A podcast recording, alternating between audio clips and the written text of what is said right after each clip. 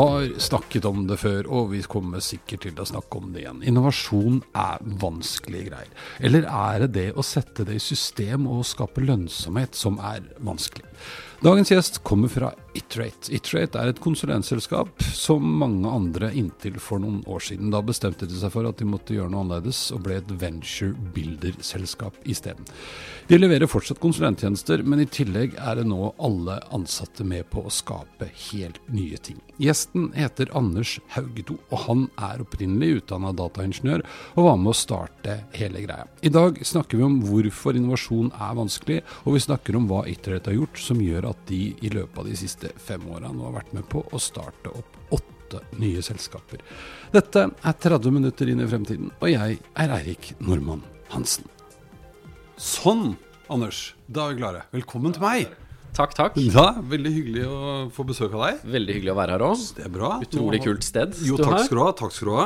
Eh, Jeg trives jo godt her. Dette er jo hytta mi i byen.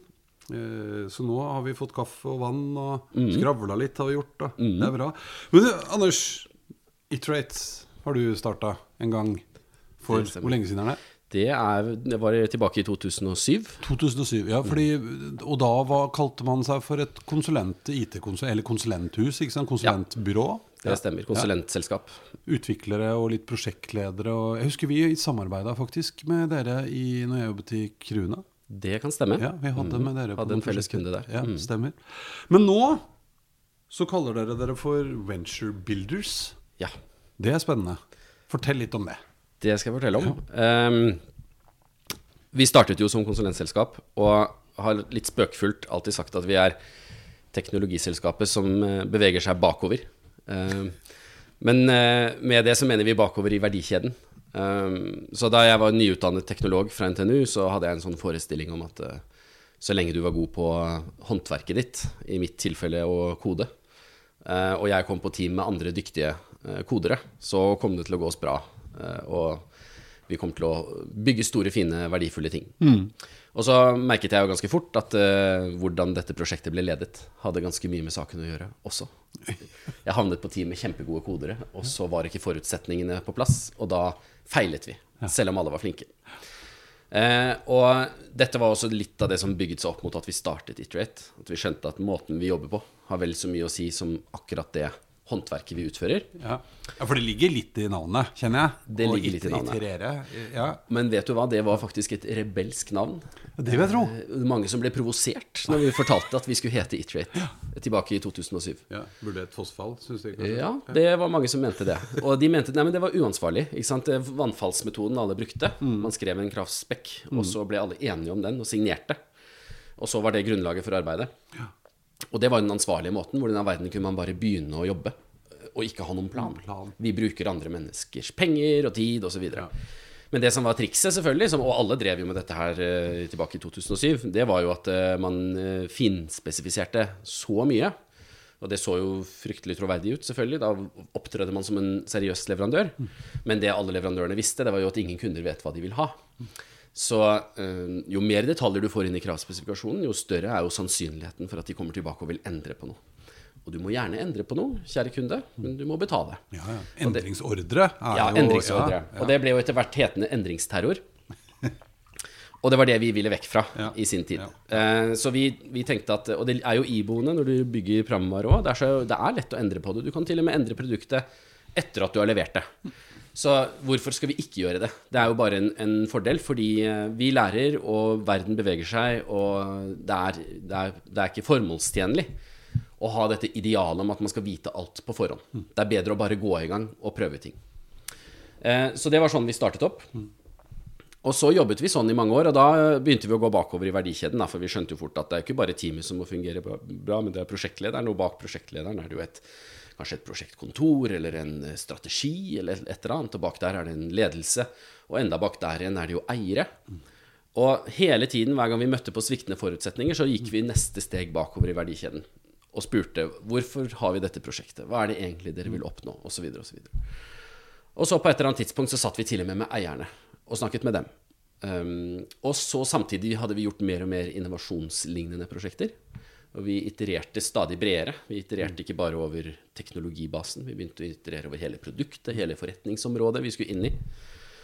Og så var det en dag hvor en av våre ansatte, som da var utrolig dyktig person, hadde fått topp reviews av våre kunder og var liksom en solskinnshistorie. Men så merket vi at han var liksom ikke helt fornøyd. Eh, så vi spurte han hva, hva skjer, eller uh, what's going on. Og da sa han at eh, jeg er veldig takknemlig for alle mulighetene jeg har fått, og alle feedbackene jeg får, osv. Men for å være helt ærlig, jeg føler at jeg jobber med venstre hånd.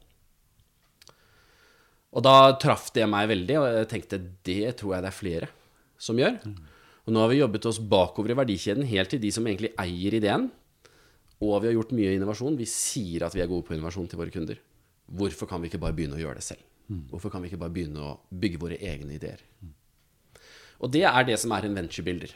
Det er et selskap som bygger og investerer i sine egne ideer. Ja. ja, for dere har vel en sånn Har ikke dere en sånn pitch uh, ettermiddag eller kveld? Eller pitch night. Eh, pitch night. Ja, en gang i En gang i måneden. En gang i måneden, ja. ja og det er jo blitt en, eh, en kjempegreie nå. Som, og det mye Altså Greia med pitch night er at som regel har vi jo en eller annen startup. Enten mm. en startup vi hjelper, eller en av våre egne som skal noe seriøst. De skal pitche til en investor, f.eks. Ja. ja, for dette kan både være eksterne mm. eller interne. Eller en deilig blanding. Altså venturebuilder egentlig er at du bygger interne ideer. Mm. Men det er noen startups som er så kule at vi klarer ikke å si nei, nei til dem. Så, så tar vi dem inn. Ja. Og da Pitch Night begynner med disse seriøse pitchene, gjerne en, en, funding team som skal øve seg fordi de skal møte en investor eller på scenen eller et eller annet. Og så når den eh, delen av Pitch Night er over, så er det litt øl og pizza. Og så kjører vi på med det vi kaller pop-up pitches. Mm. Og da er de, det er ingen idé som er for dårlig til at den ikke fortjener en pitch, er på en måte motto. Og det som er litt festlig der, det er at det, det kommer veldig mye dårlige ideer, og så ler vi, og så kommer det litt feedback fra salen, men så plutselig så er det noen som sier Men du, hvis du puttet en sånn abonnementsmodell på den ideen der, og så pakket du det inn i en app, og så gjorde du sånn og sånn, og så kommer det fra en annen Ja, og hvis du får en Instagram sånn og sånn influencer, bla, bla, og så plutselig så blir det litt sånn stille, og så ser vi på hverandre, og så bare Oi, det der kunne faktisk funka. Ja. Så det å få opp masse skikkelig dårlige ideer av veldig veldig lav terskel, eh, det har vi sett det er en katalysator for å finne de gode ideene. Gode ideene ja. Men så, og så er dealen da at hvis dere finner en god idé, og dere finner ut som selskap at dette har vi lyst til å være med og satse på, så gjør dere det. Ja. Og da blir den ansatte for eksempel, som har kommet opp med den ideen, flytta ut i et eget prosjekt i en egen del. Er det et eget datterselskap eller noe sånt? Nei, ikke fullt så fort det skjer, mm. men uh, til syvende og sist så spinner vi det ut som et eget selskap ja. med et uh, gründerteam, og da eier det gründerteamet mesteparten av det selskapet, ja. og vi har en mindre eierandel i det, mm. sånn at de har alle mulighetene for å lykkes. Mm. Så det, dere er egentlig helt åpne for at folk som jobber hos dere, som kommer opp med kanonideer, så er dere villige til å være med og satse på at denne ideen skal realiseres, og i verste eller beste fall, kommer an på hvordan man ser det, ja. så kan man miste den ansatte, men de har hatt en fantastisk opplevelse og en superbra backing. Hvor mange selskaper har dere gründa? Eller vært med på? Vi har uh, åtte uh, ja. startups som er live ute nå. Og så har vi lekt med hundrevis av ideer ja. i større eller mindre grad. Gjort uh, raske eksperimenter og sånne ting. Kult. Men så er det en sånn siste catch med dette her, og det er at vi venter med å spinne ut disse selskapene så lenge vi klarer. Så vi prøver mm. å holde det som internprosjekter så lenge vi klarer. Mm. Og en av grunnene til det, det er at vi ser at en hovedårsak til at startups feiler, hvis du tenker en vanlig oppstartsselskap, det er rett og slett at gründerteamet ikke fungerer så godt ja. sammen. Og, så er det litt, og dette er jo stor enighet om dette. Veldig mange investorer og andre som jobber med startups som ser det som et mønster. Mm. Men da synes vi det var et veldig paradoks. At hva er noe av det første du gjør som gründer? Du går til Brønnøysundregisteret, og så registrerer du selskapet ditt. Mm. Og da har du satt eierandelene. Da har du satt det gründerteamet ditt. Og du har så å si satt det i stein. Altså, skal noen av gründerne ut, eller du skal bytte ut noen, så må folk kjøpes ut, og det er avtaler, og folk kan stille seg på bakbeina og gjøre seg vanskelig. Så det er alt annet enn enkelt å bytte ut forhandlingsteamet, samtidig som alle vet at det er en av hovedårsakene til at startups feiler. Men hvis det er et internt prosjekt, så kan folk komme og gå. Da er det ikke nødvendigvis noe galt å gi seg engang. Da sier vi takk for hjelpen, du har bidratt masse, men dette var ikke din reise. Da gjør du noe annet, og så kommer det en annen inn. Og så når det virkelig begynner å få traction, og det begynner å funke, og vi ser at dette her begynner å bli noe, mm. og vi ser det teamet som har lidenskap for arbeidet sitt og fungerer godt sammen, da spinner vi det ut. Mm. Jeg syns det er utrolig spennende. Og en ting som slo meg når vi, vi traff jo hverandre for en liten stund siden og snakket litt om dette, det er derfor vi sitter her i dag, for så vidt. Men eh, det er jo så innmari mange nå som snakker om at vi må bli gründere, og vi må bli entreprenører, og vi må drive med innovasjon, og her hos oss er det høyt under tak, og det er lov å feile. Men så veit jo alle vi som, og alle som driver litt butikk, at vi kan jo ikke drive og surre rundt og feile og eksperimentere og holde på hele tiden. For vi skal jo drive butikk òg. Mm. Men, men, man må sette det i en eller annen form for system, da, og det føler jeg jo er noe av det dere har gjort. Mm. Så får man liksom go, så har man lov til, og da blir det satt av midler og, og tid, og man får liksom dedikert jobbe med ideen sin. Og få hjelp til det, ikke sant. Ja. Veldig spennende. Men, men hva, tilbake igjen. Innovasjon. Eh, jeg hadde jo en podkast for litt siden, og, en av de tingene som ble snakket litt om der, var jo ikke det at vi ikke er flinke til å komme opp med ideer, men det er vanskelig å få dem satt ut i livet. Mm. Eh, og der føler jeg jo at dere også har liksom tatt et tak og kommet et tak videre. Men hvorfor er det så innmari vanskelig med, med den der innovasjonen, da? Ja, det har jeg fundert mye på. ja. eh, og det er jo noe i selvfølgelig helt grunnleggende i at eh, innovasjon, du gjør noe nytt. Jo, du gjør noe som ikke har blitt gjort før.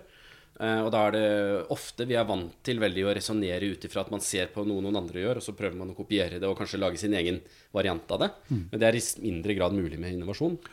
Men så er det flere ting enn det òg. Fordi iallfall det jeg har kommet frem til, at det er to underliggende faktorer da, som, som, bidrar til å gjøre innovasjon veldig veldig krevende. Mm. Um, og det ene, det er um, endringstakt. Uh, altså den hastigheten verden nå endrer seg i. Um, og uh, det andre er dette med den finansielle oppsiden. Og for å begynne med endringstakt. Uh, vi vet at verden endrer seg. Vi ser det. Alt fra teknologi som påvirker verden, til urbanisering og klimaendringer, for den saks skyld, og andres store krefter som virker på oss. Og det det innebærer, da, det er at det som var sant i går, er ikke nødvendigvis sant i dag. Mm.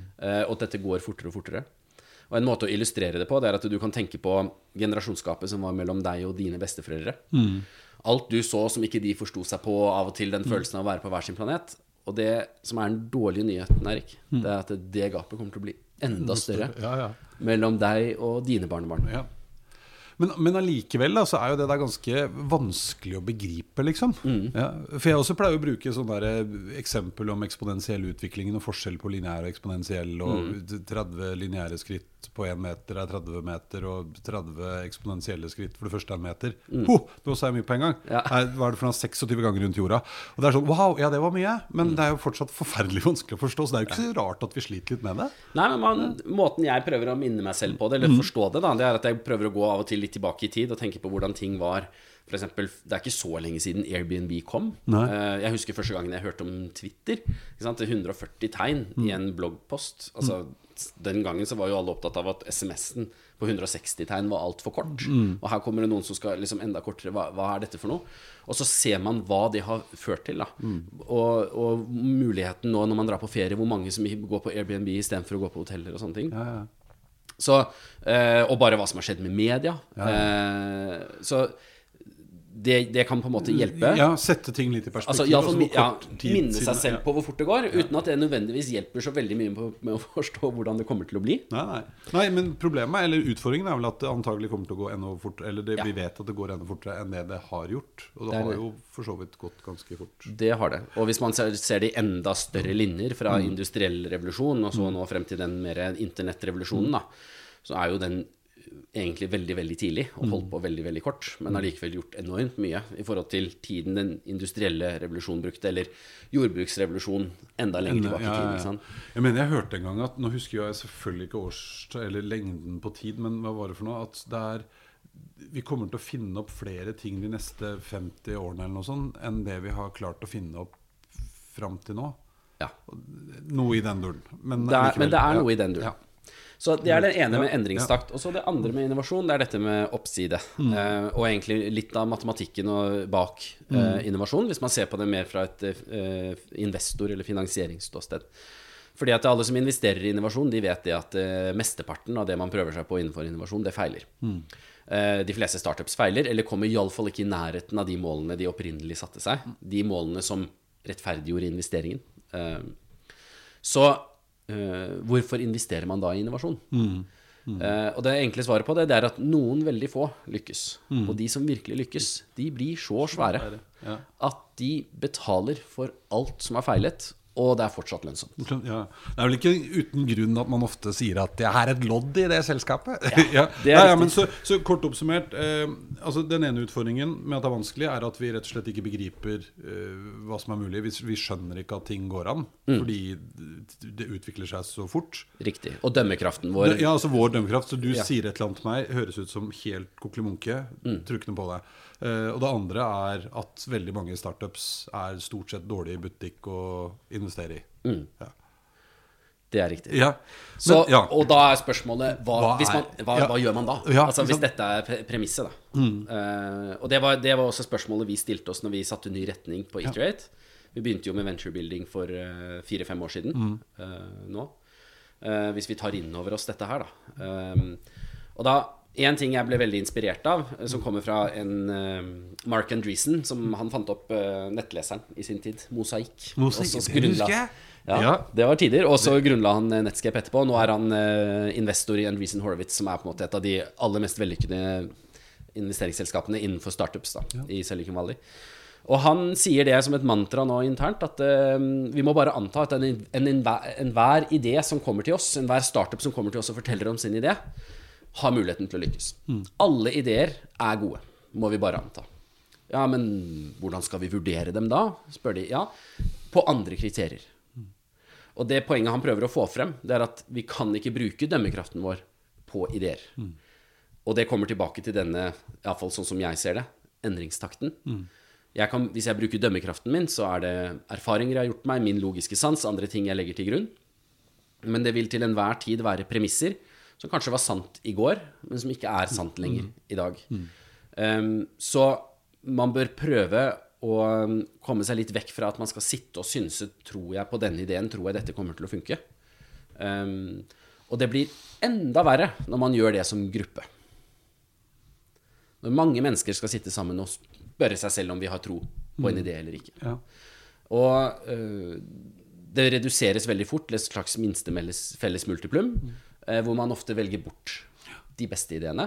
Og da kommer den andre problemet med innovasjon, dette med oppside inn. Det du da velger, det er ideene med mindre oppside. Ja. Men så må vi da huske på at dette med oppsiden, det var egentlig grunnen til at vi ville investere i utgangspunktet. Du må i det minste velge ideer som har sjansen til å bli svære. Hvis de i det hele tatt skal gi mening. Ja. Så hvis du skulle liksom en, Hva er en god idé? Hva er en god idé? Ja. altså den har en høy oppside. Ja. Den kan bli veldig svær. Um, men jeg liker også en annen ting. Um, apropos Airbnb, som han sier, han Joe Gebbia, en av gründerne av Airbnb, han mener at en god idé har den evnen at den polariserer. Og med det så mener han at eh, noen digger den, syns dette er helt utrolig kult. Og noen river seg i håret og blir nesten irritert over at du i det hele tatt bruker opp noen sekunder av deres liv på å fortelle dem om ideen. For den er jo så dårlig. Mens hvis alle liker ideen, da er det ikke sikkert at den er så god allikevel. Uh, enten er ikke oppsiden så god, eller så er kanskje mest sannsynlig veldig mange andre allerede i gang med den. Ja. Uh, men de ideene som må vokse på deg over tid, uh, men som du klarer på en måte ikke å legge dem helt til side heller. Du, du, du tar deg selv i å tenke på dem fra tid til annen. Og det er nesten litt sånn flaut å prate om dem òg. Fordi det er åpenbart veldig mye uløst, veldig mye som føles nesten umulig, eller veldig vanskelig, eller fjollete. 140 tegn, vilt fremmede mennesker Ja. som jeg skal inn, bare leie ut boligen min til. Den typen ting, da. Da kan du være på spor- sporene. Og det kan fortsatt være en skikkelig dårlig idé. Ja. Og det er en, så en annen måte å si det på er at skikkelig dårlige ideer og skikkelig gode ideer De kan du ikke skille fra hverandre. Nei. Det er vanskelig, rett og slett. Mm. Ja, ja. Men hva gjør man? Altså, hva, hva gjør dere da? For, å, å, for det er jo ikke så lett heller alltid å bedømme hva en stor eller god eller ja, stor oppside er, da. Nei. Så noe veldig rask analyse gjør vi. Vi ser litt grann på hvor stort dette markedet kan være. Um, men det er ikke I begynnelsen så er det kun for å informere prosessen. Så vi har satt det som en klar regel i Eatrate at det er ingen, ingen idé som kan bli drept i Iterate. Det er ingen, selv om jeg er gründer og styreleder, så kan ikke jeg komme, eller daglig leder eller noen andre komme og si at nei, denne her, den legger vi ned, den har vi ikke noe tro på. Eh, vi må ta noen investeringsbeslutninger etter hvert. Eh, men det vi ser på da, det er to ting. Eh, vi ser på teamet. Har, jobber de bra sammen, og har de lidenskap for arbeidet sitt? Eh, og så ser vi på har de lært noe. Har de vært der ute i markedet eh, og blitt klokere og fått innsikt? Ja. Men hvor mye, mye innsikt trenger man? For det snakker man jo masse om. Mm. Og når jeg gikk på BI, så skulle det jo være så signifikant at du skulle helst gjøre sånn Norstat-undersøkelse med 10.372 mennesker hver gang. Det har vi slutta med. Analysis paralysis. Ikke sant? Ja. Ja. Det har vi slutta med. Ja. Ja. Nei, altså det er eh, det å utføre handlinger Og det, det her kommer egentlig helt tilbake til navnet iterate, og hva en iterasjon er for noe. For oss så er en iterasjon det er en handling du gjør som du kan lære fra. Og hvis du vil lære raskt, så er det som regel lurt å ha, sørge for at de handlingene du utfører, eh, tar relativt kort tid, og så gjør mange av dem etter hverandre. Eh, og så er det helt utrolig hva du finner ut underveis. Men hvis vi hadde satt opp et eller annet rigid system, eller masse matriser med forskjellige måltall eller vektinger og scoringer osv. Vi har for så vidt prøvd oss litt på det òg. Men det vi ser da, er at da er det det teamene fokuserer på. Ikke sant? De skal svare på på en måte en fasit eller en, en oppskrift. Eh, mens det vi ønsker, er mye mer sånn pur nysgjerrighet. Ut og utforske ting. Eh, og ingen som bruker noe er noe dømmende i forhold til den ideen man jobber med. Og da er det helt utrolig hva man finner ut eh, underveis. Mm. Men man må liksom ut og snakke med folk. Ja. Er ikke det litt For det har jeg hørt eh, ofte òg, at noen blir litt sånn overrasket over. Det kommer noen og pitcher en idé, og de brenner masse, og de har investert liksom alle sparepengene sine i den ideen, men de har aldri vært ute og snakket med eh, Altså, jeg syns det høres ut som en Ja, det er en klassiker. Ja, Eller noen så går du i AppStore for dem, og så finner du ut at det finnes ti apper allerede Ja. som gjør akkurat det du For det har de ikke sjekka. Nei. Nei. Så sånne ting er, må du sjekke. Så du, du må, det er jo også det fine med å være i et fagmiljø Mm, som driver med innovasjon, at du vil veldig fort Altså de, de, som allerede, de ideene som allerede er gjort, eller har en sånn helt åpenbar sånn sviktende premisser, Mm. type ting, det, det vil veldig fort bli oppdaget. Enten du, du prater med folk, eller du gjør litt undersøkelser selv, eller noen rundt deg eh, gjør deg oppmerksom på det. Så derfor er nettopp For oss har det vært veldig viktig å bygge opp denne kulturen rundt ideer, sånn at vi på en måte får luket ut den typen ting veldig tidlig. Eh, og så når du har luket ut den typen ting, da, så eh, Ja, vi klarte ikke å drepe ideen. Eh, vi vet fortsatt ikke om den er god. Eh, nå må vi ut og lære. Og da er det du sier, det å ut og prate med folk, helt essensielt. Eh, og det gjør vi mye av det vi sier, er at det er, det er vanskelig å verifisere en idé ved å prate med en bruker. Men grunnen til at du skal prate med brukeren, er at du bygger opp empati. Evne til å kunne forstå dem og kunne sette deg inn i hvordan de har det. Mens verifisering Jeg er ikke så glad i det ordet, egentlig. For jeg syns det er så veldig hardt. Og liksom det er mer Jeg skjønner at du kan verifisere matematiske bevis, på en måte. Men eh, for et, etter mitt skjønn, en innovativ idé blir ikke verifisert før den er et vinnende selskap med markedsdominans. Men det som er veldig interessant, det er å se mer på hva mennesker gjør, eh, og mindre på hva de sier. Så derfor er vi opptatt av ut og prate for å bygge empati. Og så begynne å bygge så fort som bare det. Og så prøve å være superkreativ i hvor raskt du kan bygge, og hjelpemidler, og ikke prøve å gjøre det for komplisert.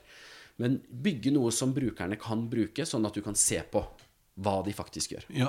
For der- Over hva de sier. Ja, for der har vi vel også hatt en tendens til å liksom overdimensjonere ting litt. Nå har jeg fått en idé, jeg har vært ute og snakka med noen. De syns også det hørtes ut som en god idé.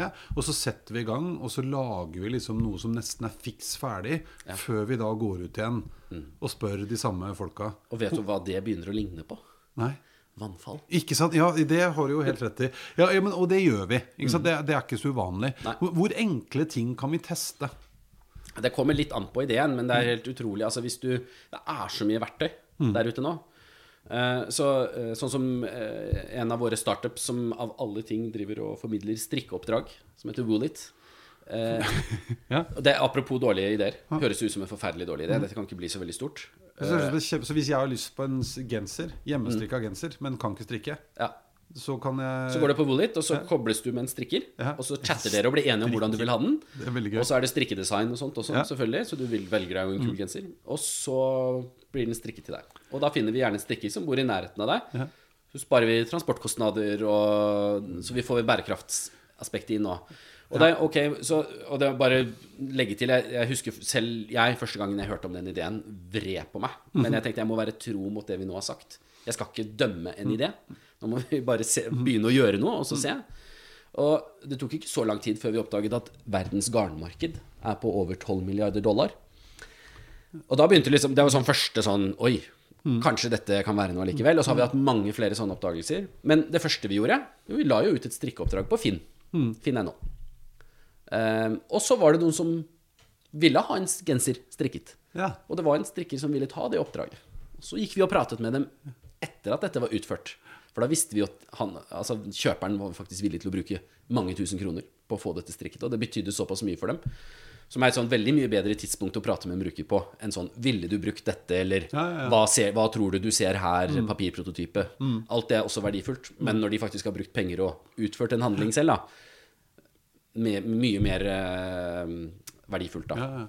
Eh, det er jo utrolig gøy. Så Mm. Dere testa det bare ut, men gjennom en annen plattform, og så lærte man masse av det. Ja, og så begynte vi å bygge gradvis mer og mer selv, og brukte sånn eh, verktøy for å lage landingssider, hvor du kunne på en måte drag and drop, og litt Google ads, litt Facebook ads. Koda bitte lite grann selv, men bare sånn helt minimum. Bare for å liksom Ok, nå har vi fått ett oppdrag, hvordan kan vi få de neste ti? Og bare på den måten bygger det gradvis ut, da. Ja. Veldig spennende. Men litt tilbake igjen til, til dere som selskap. Altså, for da, da Si nå at du har en ansatt som pitcher på Beach Night, og alle syns det hørtes ut som en god idé, og så begynner man litt stille og forsiktig. Eh, De er lidenskapelig opptatt, og teamet blir bra, og man er ute og snakker med folk, og vi begynner å bygge. Og, og på et eller annet tidspunkt så, så går dere da inn og bestemmer dere for om man vil satse videre på dette eller ikke. Ja. Ja. Det er riktig. Men før det, det som den testen da, som den interne gründeren har vært på før det, det er at i utgangspunktet så har alle ansatte i Itrate en mulighet til å bruke noe av tiden sin fritt. Eh, og utover det så har vi jo kunder. Så vi er jo, vi er jo fortsatt i, på den måten konsulenter også, for vi leier oss fortsatt ut. Ja. Men den interne modellen har blitt helt annerledes. Ehm, så det er ingen eh, ansatte i Trade som har faktureringsbonuser eller sånne ting. Fordi vi vil at alle skal kunne hjelpe hverandre. Så de ansatte har heller eierskap i hele selskapet. Med, Har ja. ansatt aksjer da, i selskapet. Men så hvis jeg har en idé, og det neste mest sannsynlige jeg trenger, det er et team rundt meg. Uh, kryssfunksjonelle team. Det er på en måte løsningen på innovasjon i dag. Eh, så det betyr at jeg må få folk med meg. Og da, det jeg egentlig må da, det er at jeg må få noen av kollegene mine til å donere sin fritid, som de får av Vitrate. Ja. Altså lønnet fritid, om, om du vil, ja, riktig. Ja. til meg. Og dermed så er vi i gang med å teste klarer du å bygge team. Ah, Og da er vi i gang med å teste lederegenskaper. Kjempesmart. Så bare for å sortere sånn Bør ikke du avsløre brøken dere har, men hvis vi har liksom 100 arbeidstid, eh, så sier vi at det er 20% tid som de kan få lov å bruke. Alle ansatte kan bruke til hva de vil. Og hvis jeg har kommet opp med en idé og begynt å jobbe litt med den, og bruker da mine 20% til å begynne med, ikke sant? så er, har jo alle andre 20% også. Så hvis jeg klarer å få de til å prioritere sin tid på meg og mitt prosjekt, eh, så er det et positivt tegn. Det er et positivt tegn. Ja. Og dermed, hvis da, når, når det kommer et team, og, og vi faktisk skal ta investeringsbeslutningen, og vi ser at de har jobbet en stund, de har lært masse, de er samkjørt, da vet jo vi at her er det jo masse ting som har skjedd frem til nå, eh, som er helt kritiske for at de skal kunne lykkes i det lange løp. Kult. Og, og, og da blir jo du en form for investor. Og da Ja. kommer de og pitcher ideen sin til deg Ja. igjen, ikke sant? For å få ja eller nei. Mm. Hva liker du da å høre som investor? Altså Du har jo denne litt unike muligheten til å være så tett på det at du ser og vet at liksom denne interntid og sånn, men, men utover det Altså Det aller beste jeg vet, det er at jeg i utgangspunktet tenker at jeg ikke liker ideen. Og så i løpet av det møtet så snur de meg. Ja. Eh, og det de snur meg med, det er innsiktene de har fått fra det arbeidet de har gjort der ute. Ja. Som er alt fra å prate med folk til å kjøre eksperimenter og se hva de gjør. Og til syvende og sist som viser et skaleringspotensial og viser at dette kan bli stort. Det kan bli stort. Og her er det jo masse ting man kan se på, sånn som nettverkseffekter og andre ting. Så her, er, her begynner vi å bli ganske analytiske. Men først og fremst egentlig for å åpne opp perspektiver og få oss til å prøve å se helheten i det. Ja. Over å på en måte skulle sitte der og si om jeg personlig har tro på det eller ikke. Ikke, ja. Ja, for da er jo du representant for liksom, selskapet ditt, da, Ja. tross alt. Men, men så det neste som skjer da, er at de får bevilget noe, altså penger Ja. ja. f.eks. Ja. Er da målet deres, så kan godt hende at det svaret på det vet jeg ikke, men eh, er målet deres da at nå skal dette enten blomstre, og så kjøper noen det, og så tjener Itrett penger på det, eller skal dere bare fortsette å være med å eie, eller Det er litt opp til teamet og hva de vil. Eh, og kanskje også hva som er en logisk sånn endgame da, for denne ideen. Eh, noen ideer er kanskje mer bedre at de blir kjøpt opp og blir en del av noe større, mens andre kan virkelig vokse og bli, stå på egne ben. Ja, ja, ja. Veldig spennende. Og nå hadde dere, altså dere har vært med på å realisere åtte selskaper, var det du sa? Ja. Og Og mange flere. Mange på flere på gang. Ja. Ja. Veldig, veldig kult. Dette her syns jeg er kjempespennende. Og jeg syns jo dere tar jo dette liksom til et eh, neste nivå. Eh, som selvfølgelig legger veldig til rette for at det skal være gøy og, og, eller være lov å ordne med egne ideer også, ikke bare drive med sitt. Men eh, Kanonkult. Men hvis vi nå skulle heve blikket litt til, nå har vi snart eh, gått ut på tid. 2030. Dette her er jo det dere driver med nå, legger til rette for. Det blir sikkert bare mer og mer av sånne ting. Men hvis vi skulle heve blikket litt til, hva tror Anders om 2030? Ja, inn, jeg tror innenfor innovasjon så tror jeg at det mer og mer vil komme fra uh, selskaper. Eh, de vil begynne å ta opp konkurransen om å være de mest innovative. Ta opp den med uh, startups. Ja. Eh, og grunnen til det er at jeg tror man vil se mer og mer at det er mer komplette systemer som skal til.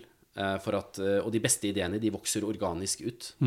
Og systemer som kan være så helhetlige at de legger til rette for det. At ikke man begynner å game det med å vise investoren det investoren spør om. Eller vise investeringskomiteen det de spør om. Eh, det, der, og da tror jeg vi vil se at det vil komme mye mer radikale ting som allikevel fungerer.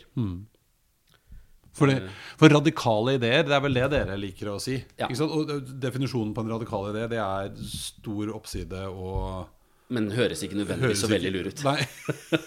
ja, det er veldig, veldig bra. Du, tusen hjertelig takk, Anders. Det her var veldig gøy. Takk i like måte. Kjempegøy. Vi uh, ses snart igjen. Det gjør vi nå.